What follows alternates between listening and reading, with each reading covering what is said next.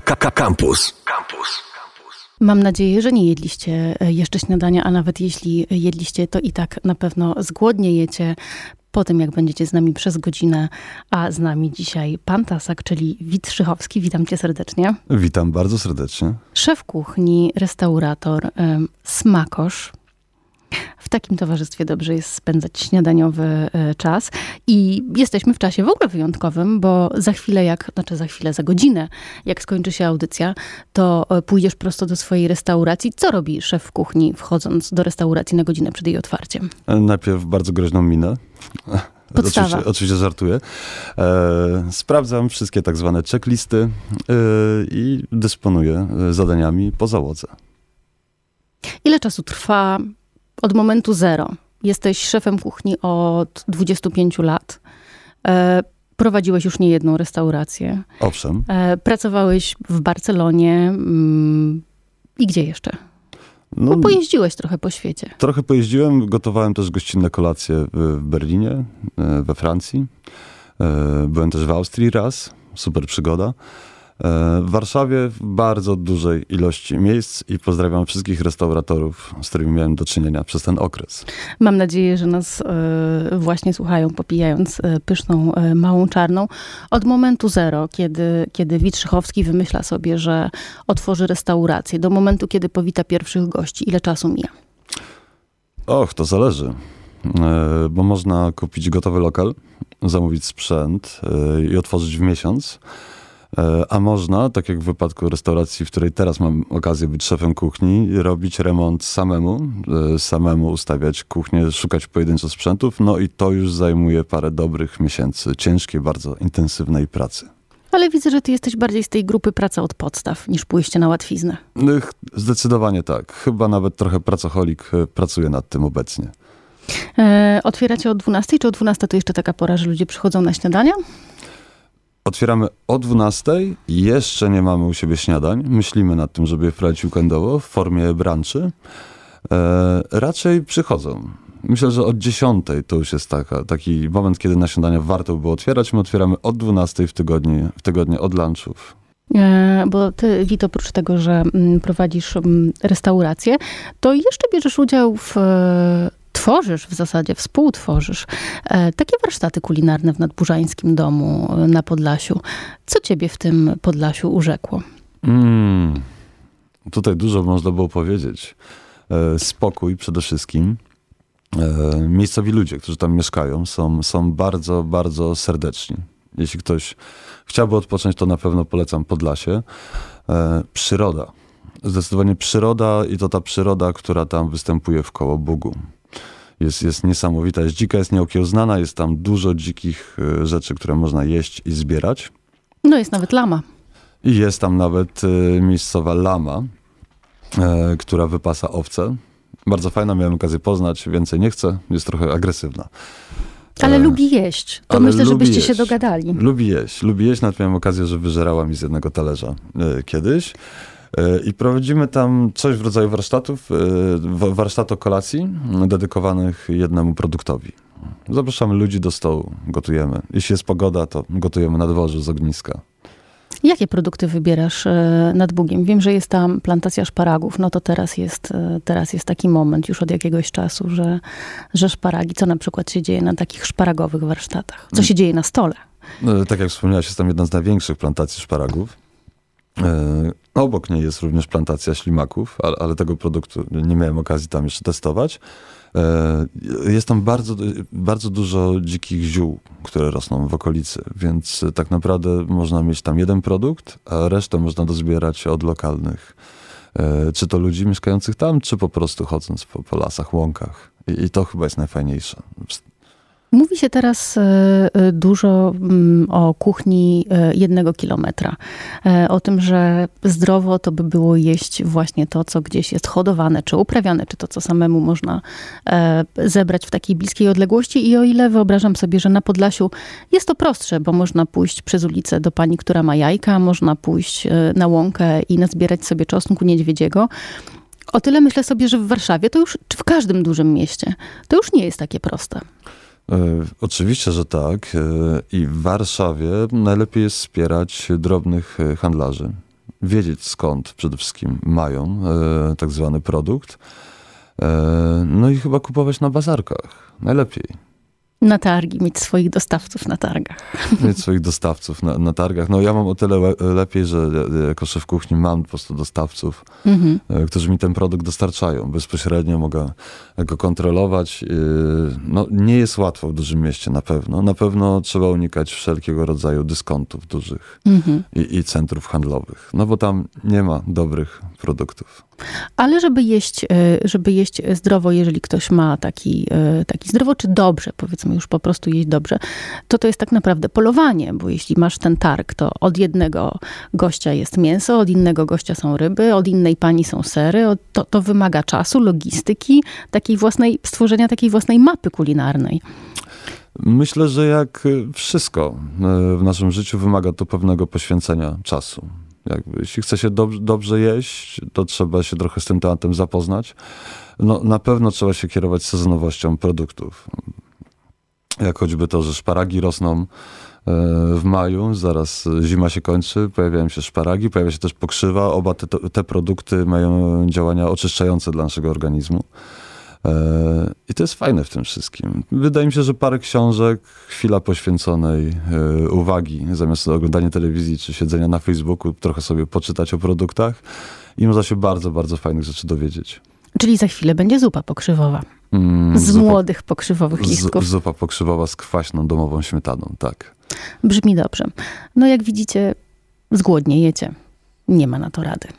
Powiedz mi, bo ty postawiłeś na kuchnię polską w takim nowoczesnym, w takim nowoczesnym e, wydaniu. Dlaczego taki jest twój wybór? E, odpowiedź jest bardzo prosta. Mhm. E, jestem Polakiem. Mhm. No, pewnie nie w stu procentach, ale jestem. E, I uważam, że tak samo jak Włosi mówią, że ich kuchnia jest najlepsza, jak Francuzi. Uważam, że i my powinniśmy tą naszą kulturę e, w tym jedzeniu przemycać, o nią dbać, szanować e, i próbować ją zrobić w lepszy, fajny sposób. Mhm. To, to jest moja motywacja. Myślisz, że Polacy poszukują polskiej kuchni? Bo mamy tyle restauracji, mamy te, te, całe tak zwane, brzydko mówiąc, agregatory, które ci pozwalają wybrać, zamówić jedzenie, czy, czy to jest pizza, kebab, czy ta kuchnia polska staje się gdzieś być tam na takim trochę szarym końcu w tym, w tym wszystkim. No może zrobiła się w pewnym momencie moda e, na pierogi. A tutaj polska kuchnia. Kochamy pierogi przede wszystkim. E, myślę, że trochę się zachłys zachłysnęliśmy zachodem przez pewien czas yy, i myślę, że jeszcze chwilę to może trwać, ale widać wyraźnie, że społeczeństwo yy, idzie w stronę lokalnych produktów, w stronę dobrego chleba, w stronę świeżych warzyw wyhodowanych przez polskiego rolnika, bo to się też wiąże z ekonomią kraju, żeby kupować polskie produkty, a nie zagraniczne. Yy, takie to trochę patriotyczne zaczyna być, w dobrym oczywiście znaczeniu tego słowa. A dlaczego jest tak? Być może to jest moje mm, osobiste e, odczucie, nie poparte e, badaniami, ale kiedy podróżujesz po, mm, kiedy podróżujesz po europejskich stolicach, no może nie wszystkich, ale na przykład Helsinki trochę takie są, Berlin trochę taki jest, że znajdziesz mnóstwo knajp z dowolną kuchnią, nepalską, hinduską, sushi, a najmniej jest tej kuchni lokalnej, bo to nie jest tylko nasz przypadek polski. No, wydaje mi się, że wynika to z wymieszania kulturowego. Coraz więcej osób y, wybiera inne kraje niż swoje ojczyzny do mieszkania. E, duża część tych osób gotuje, zarabia w ten sposób na życie, otwierają y, restauracje. Uważam, że dla każdego jest miejsce. I, I tak samo uważam, że na każdą kuchnię jest popyt w danym kraju. A jak ty sobie obmyśliłeś myśleć o tej kuchni, myśleć o tej kuchni polskiej, swojej kuchni? Mm, przede wszystkim produkty, y, które są z Polski i robić z nich y, proste, ale ciekawe jedzenie, oparte trochę bardziej o domową kuchnię naszych babć, prababci. Że miało taki domowy sznyt. Hmm, czyli tak tradycyjnie. Tradycyjnie, ale jednak z taką y, nowoczesnością w sobie. E, czy ta nowoczesność e, obejmuje też e, ryby, bo ty jesz mięso, ale twoja kuchnia znana jest z tego, że robi dobrze też wegetarianom. Głównie tak naprawdę teraz od wiosny do jesieni jem warzywa. Jem również mięso. Bardzo lubię ryby. Zdecydowanie. I chyba, chyba najbardziej słodkowodne w tym momencie. Słodkowodne, bo morskie nie ze względu na zanieczyszczenia, czy nie ze względu na preferencje smakowe? E, chyba ze względu na długi transport tylko do nas. Mhm. E, Jakby wo- wolałbym, wolałbym tutaj bliżej gdzieś pozyskiwać ryby. Jak na przykład młodego suma jest pod Warszawą, taka bardzo fajna hodowla. Nie będę robił reklamy. I ta droga transportu jest o wiele krótsza. Mogę częściej mieć ten produkt. Nie mam problemów logistycznych z nim. Mhm. No a pstrąg, jesiotr też są hodowle. O kurczę, jesiot, przepiękna ryba, kiedyś no, goszcząca na naszych stołach bardzo, bardzo często. E, Jak A brzmi tak wykwintnie, prawda? Bo jednak jak myślisz o polskiej kuchni, znaczy jak laik myśli o polskiej kuchni, to myślę, że to jest karp i pstrąg. No śledź, oczywiście śledź. No ale mówimy o tych e, słodkowodnych. No polecam y, okres międzywojenny u nas. Wtedy ta kuchnia naprawdę, naprawdę stała i stała jesiotrami pod każdą możliwą postacią. Ja uwielbiam osobiście wędzonego. Uważam, że jedna z najlepszych y, Wędzony jesiotr. Hmm, wędzony jesiotr. Nie wiem, czy to opcja na śniadanie, czy na lunch, czy na brunch, ale na pewno znajdziemy dla niej jakieś e, dobre miejsce. Funkcjonujemy e, sobie w świecie osób, które pewnie część, e, z których część gotuje w domu, chociaż myślę, że jest ich nie tak dużo wbrew pozorom. I to taką część, która lubi sobie wyjść na miasto i zjeść. I tą taką część smakoszy, nazywanych foodies. Kto jest tak naprawdę z Twojego punktu widzenia taką największą siłą sprawczą tego, jak wygląda kuchnia? Ta kuchnia kształtuje się od szefa kuchni, czy ta kuchnia kształtuje się od społecznych oczekiwań? Hmm, zależy tak naprawdę od profilu restauracji. Mm, ale myślę, że początkowo kształtuje się od szefa kuchni. E, Później kształtuje się od zespołu szefa kuchni, który z nim pracuje, współpracuje lub nie współpracuje. Podstawia mu na przykład nogę w różnego typu małych działaniach i się to nie trzyma kupy, że tak powiem. Ale później weryfikują to, przepraszam, weryfikują to ludzie, którzy przychodzą i jedzą. Albo im smakuje i wracają, albo im nie smakuje i nie wracają. A mody? No bo mamy takie mody różne, tak? I myślę, że też takie knajpy, które się pojawiają, hotspoty, ale też potrawy. Można powiedzieć, że jest w danym momencie moda. Na to się nie mówię tutaj o sezonowości, no bo to jest to Mhm. oczywiste, że jak są szparagi, czy jest bób, no to, to, to się dzieje na tych e, talerzach. To myślisz, że, że ty jako szef kuchni jesteś w stanie wykreować modę, czy to raczej jest, czy ta moda w, jest bardziej złożona w, e, na coś? O kurczę, nie, to jest chyba trochę bardziej skomplikowane. Nie mam aż takiej chyba mocy władczej. Chciałbym oczywiście, to, to by było bardzo fajne, e, bo wtedy większość, sprawiłbym, że większość ludzi odżywiałaby się zdrowo na pewno. E, my, myślę, że, no, myślę, że część trendów przychodzi do nas na pewno z zachodu. E, tak jak e, fine dining, jak kuchnia molekularna pewnego czasu temu. Teraz to wszystko idzie w prostą formę. Wpływy Skandynawii na pewno są bardzo, bardzo, bardzo mocne tutaj. E, Ale myślę, że znani, znani bardzo szefowie kuchni, dobrzy, do których jeszcze bardzo daleko w, w tym kraju, myślę, że mają wpływ na trendy. Ma, mają, ponieważ są obserwowani przez bardzo dużą rzeszę e, ludzi i jak robią coś naprawdę fajnego, to ci ludzie chcąc, nie chcąc w pewien sposób się tym inspirują, dokładają coś swojego i tak to idzie, ewoluuje. Wspomniałeś o kuchni molekularnej, która w pewnym momencie faktycznie zrobiła się, e, e, zrobiła się modna. Czy to dla ciebie, jako do, dla osoby, która lubi sobie z, tej, z tradycjami polskimi poeksperymentować, e, czy to nie jest taka trochę sprzeczność z tym, czemu służy jedzenie? My jednak w moje osobiste odczucie na temat kuchni polskiej jest takie, że ta kuchnia miała żywić i sycić. E, Wykorzystywało się wszystko, e, trochę taką metodą Tak. Hausfrau, że gotujesz e, kurczaka, masz rosół, warzywa idą na sałatkę. No, kuchnia molekularna jest zaprzeceniem takiej idei. Boję się trochę odpowiedzieć na to pytanie, bo parę kolegów się na mnie obrazi. Myślę, że kuchnia molekularna jest pewnego rodzaju show, przedstawieniem. Tam, tam się dużo dzieje, prawda? Kawior z ogórka, e, ciekły azot, e, to wszystko jest takie wow, bardzo. Maliny, które smakują jak ym, coś innego. Jak- Jak buraki z marchewką, Jak- tak. e, pomogę. E, Natomiast kuchnia, kuchnia domowa, tak jak mówisz, jest, ma w sobie więcej ciepła. Uważam, że w kuchni molekularnej tego na przykład nie ma. E, Nie ma tego takiego e, maminego smaku, do, wspomnienia do dzieciństwa. Smaku, smaku lata na przykład.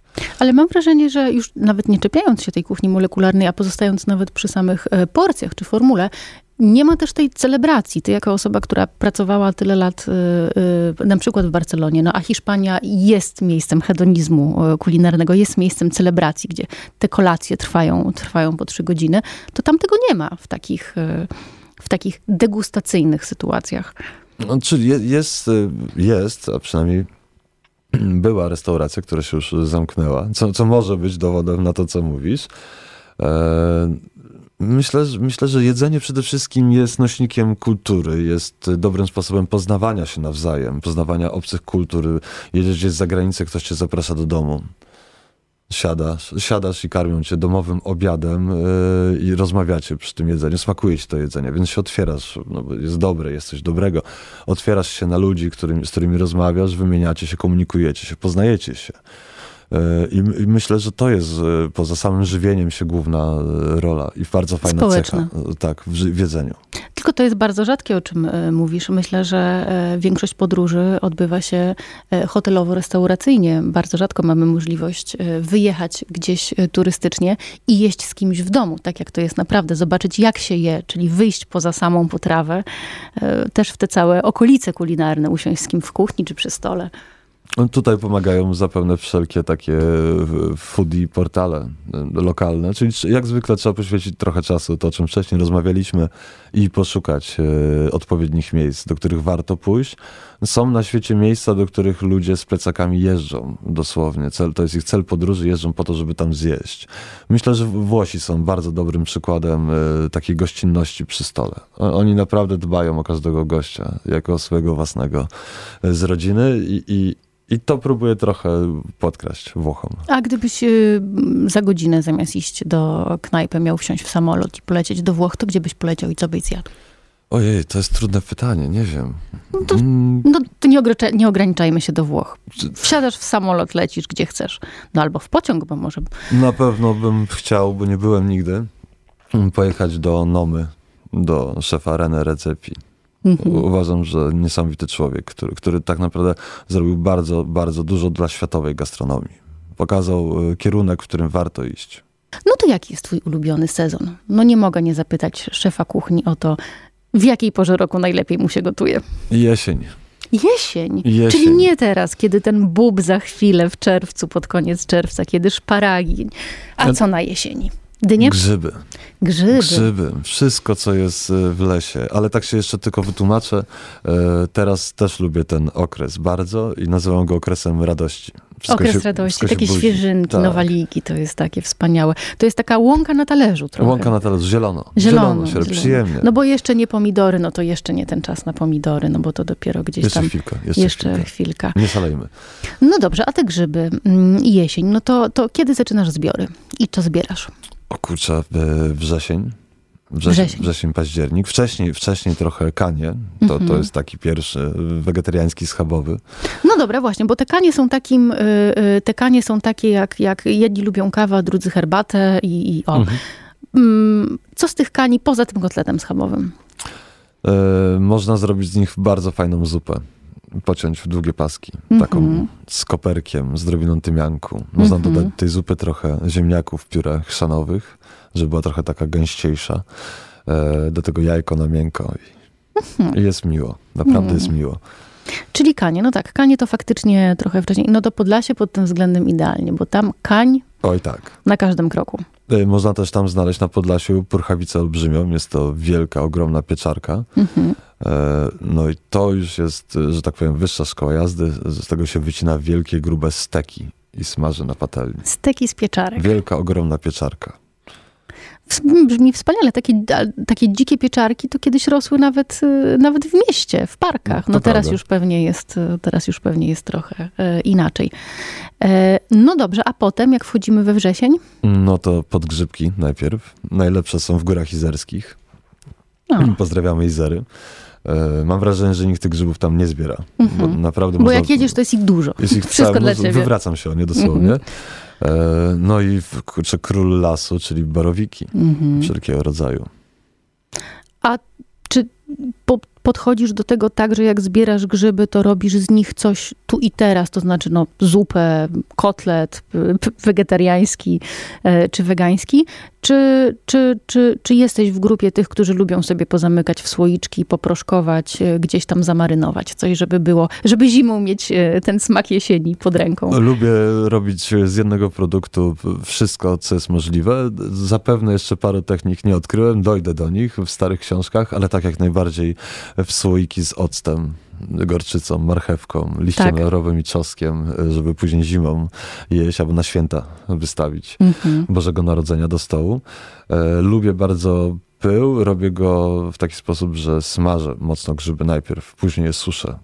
Smażysz przed suszeniem. Tak, mam, mam mhm. jeszcze Taki mam patent. więcej tego smaku mam. Mhm. A przyprawiasz czymś nie? Czy to jest takie sote? Raczej staram się nie używać w ogóle z dużej ilości przypraw, chyba że do danego produktu jakaś przyprawa albo zioło konkretnie pasuje ale raczej szukam metody na wydobycie naturalnego smaku.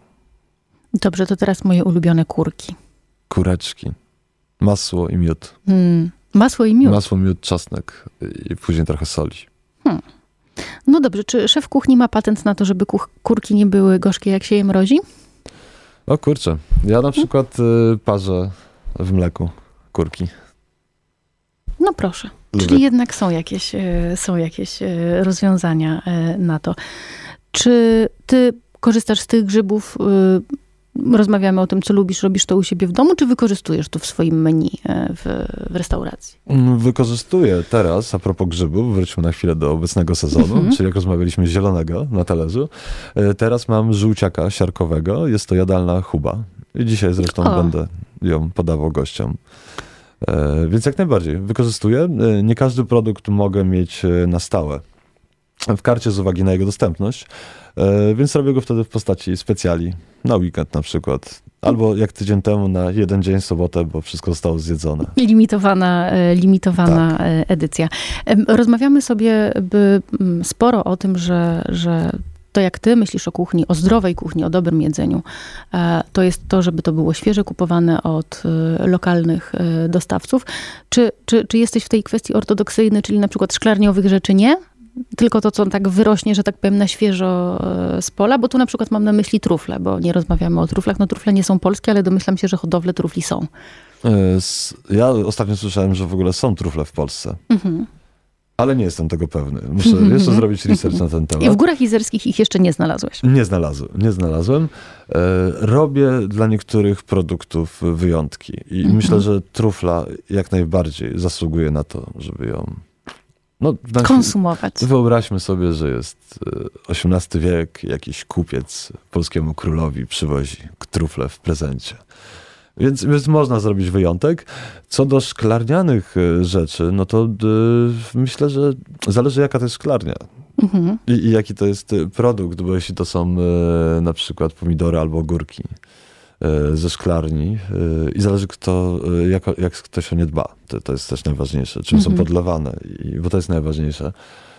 Nie mam z tym aż takiego problemu. Mhm. Panie Tasaku, czy pan w kuchni jest trochę takim psychologiem. Czy pan patrząc na kogoś mówi, no dobra, to ja myślę, że tej i tej osobie to bym to zaserwował, albo na przykład myśli sobie, u, nie piję kawy, nie zaufam jej. E, chodzi o pracowników, czy o, Nie o gości, o, o osoby, którym serwujesz. E, o, myślę, że budowanie zespołu to pewnie byśmy potrzebowali osobną audycję, tak. żeby sobie o tym porozmawiać, jak to się robi. No ale jednak sercem, jesteś sercem swojej restauracji, no ale jeśli można powiedzieć, że to ma dwa serca, no to drugim sercem są twoi goście. E, myślę, że to widać, pierwszy kontakt wzrokowy. I też widać po uśmiechu. Jak się człowiek uśmiecha, mhm. to znaczy, że coś tam w środku miłego u niego jest i, i pewnie wyjdzie e, na wierzch. Ja często chodzę po sali, lubię powiedzieć dzień dobry, jak ktoś wchodzi e, do restauracji, lubię się uśmiechnąć do kogoś przy stoliku, więc obserwuję te relacje, te zachowania wszystkie, przepraszam, i wyciągam z nich wnioski i najczęściej się uśmiechają. Ja wtedy wiem, że smakuje. Że smakuje. Udało nam się. To jest, to, to, jest, to jest dobry wskaźnik tak, tak. tego. Ale zdarza się na przykład, że goście w jakiś sposób cię zaskakują, że dzieje się coś, czego się nie spodziewałeś u ciebie w knajpie? Cały czas zaskakuje mnie to, jak są e, nad wyraz bardzo mili. Mhm. W sensie serdeczni, że, mhm. że wręcz e, przechodzą obok stolika i mnie wręcz zaciągają do niego, żeby chwilę porozmawiać. niech pan siądzie z nami, niech pan porozmawia, a to, to, a to, tamto. I to jest dla mnie takie cały czas, chociaż to się dzieje już od dłuższego czasu, jest to dla mnie cały czas bardzo świeże e, i bardzo zaskakujące i miłe. W Barcelonie też tak jest? W Barcelonie jest specyficznie Mhm. bardzo. Jest siesta w połowie dnia. E, Tam jest chyba więcej słońca. E, Nasze mózgi też się e, karmią bardzo architekturą, ciekawą, sztuką. Tego tam jest bardzo, bardzo dużo. I wydaje mi się, że przez to też ludzie są bardziej e, pod względem takim wyrażaniem emocji, wyrażania emocji bardziej żywi. I, i to da, idzie odczuć, szczególnie w posjeście w porach wieczorowych, kiedy już trochę wina i tapasów pójdzie, to, to tam Mhm. Bardziej się uśmiechają jest, trochę bardziej, bardziej niż się my w uśmiechają, dużych no miastach. jest wesoło bardzo.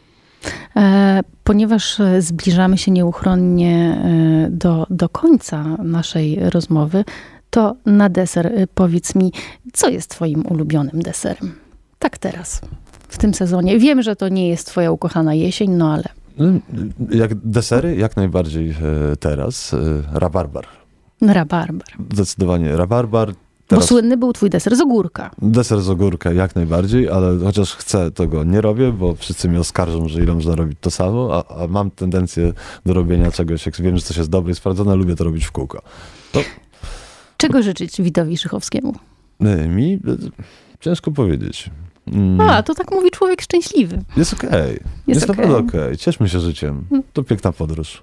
Niech tak będzie, zatem e, cieszmy się wszyscy. Ja bardzo się cieszę, że e, znalazłeś tę chwilę, żeby spędzić ją z nami w Małej Czarnej ze słuchaczami. E, Witrzychowski, pan Tasak, szef kuchni, restaurator. Wielkie dzięki Bardzo za tę dziękuję. pyszną godzinę. Dziękuję Tomkowi Paziewskiemu za realizację. Gosia Kwiecień, słyszymy się za tydzień. Cześć.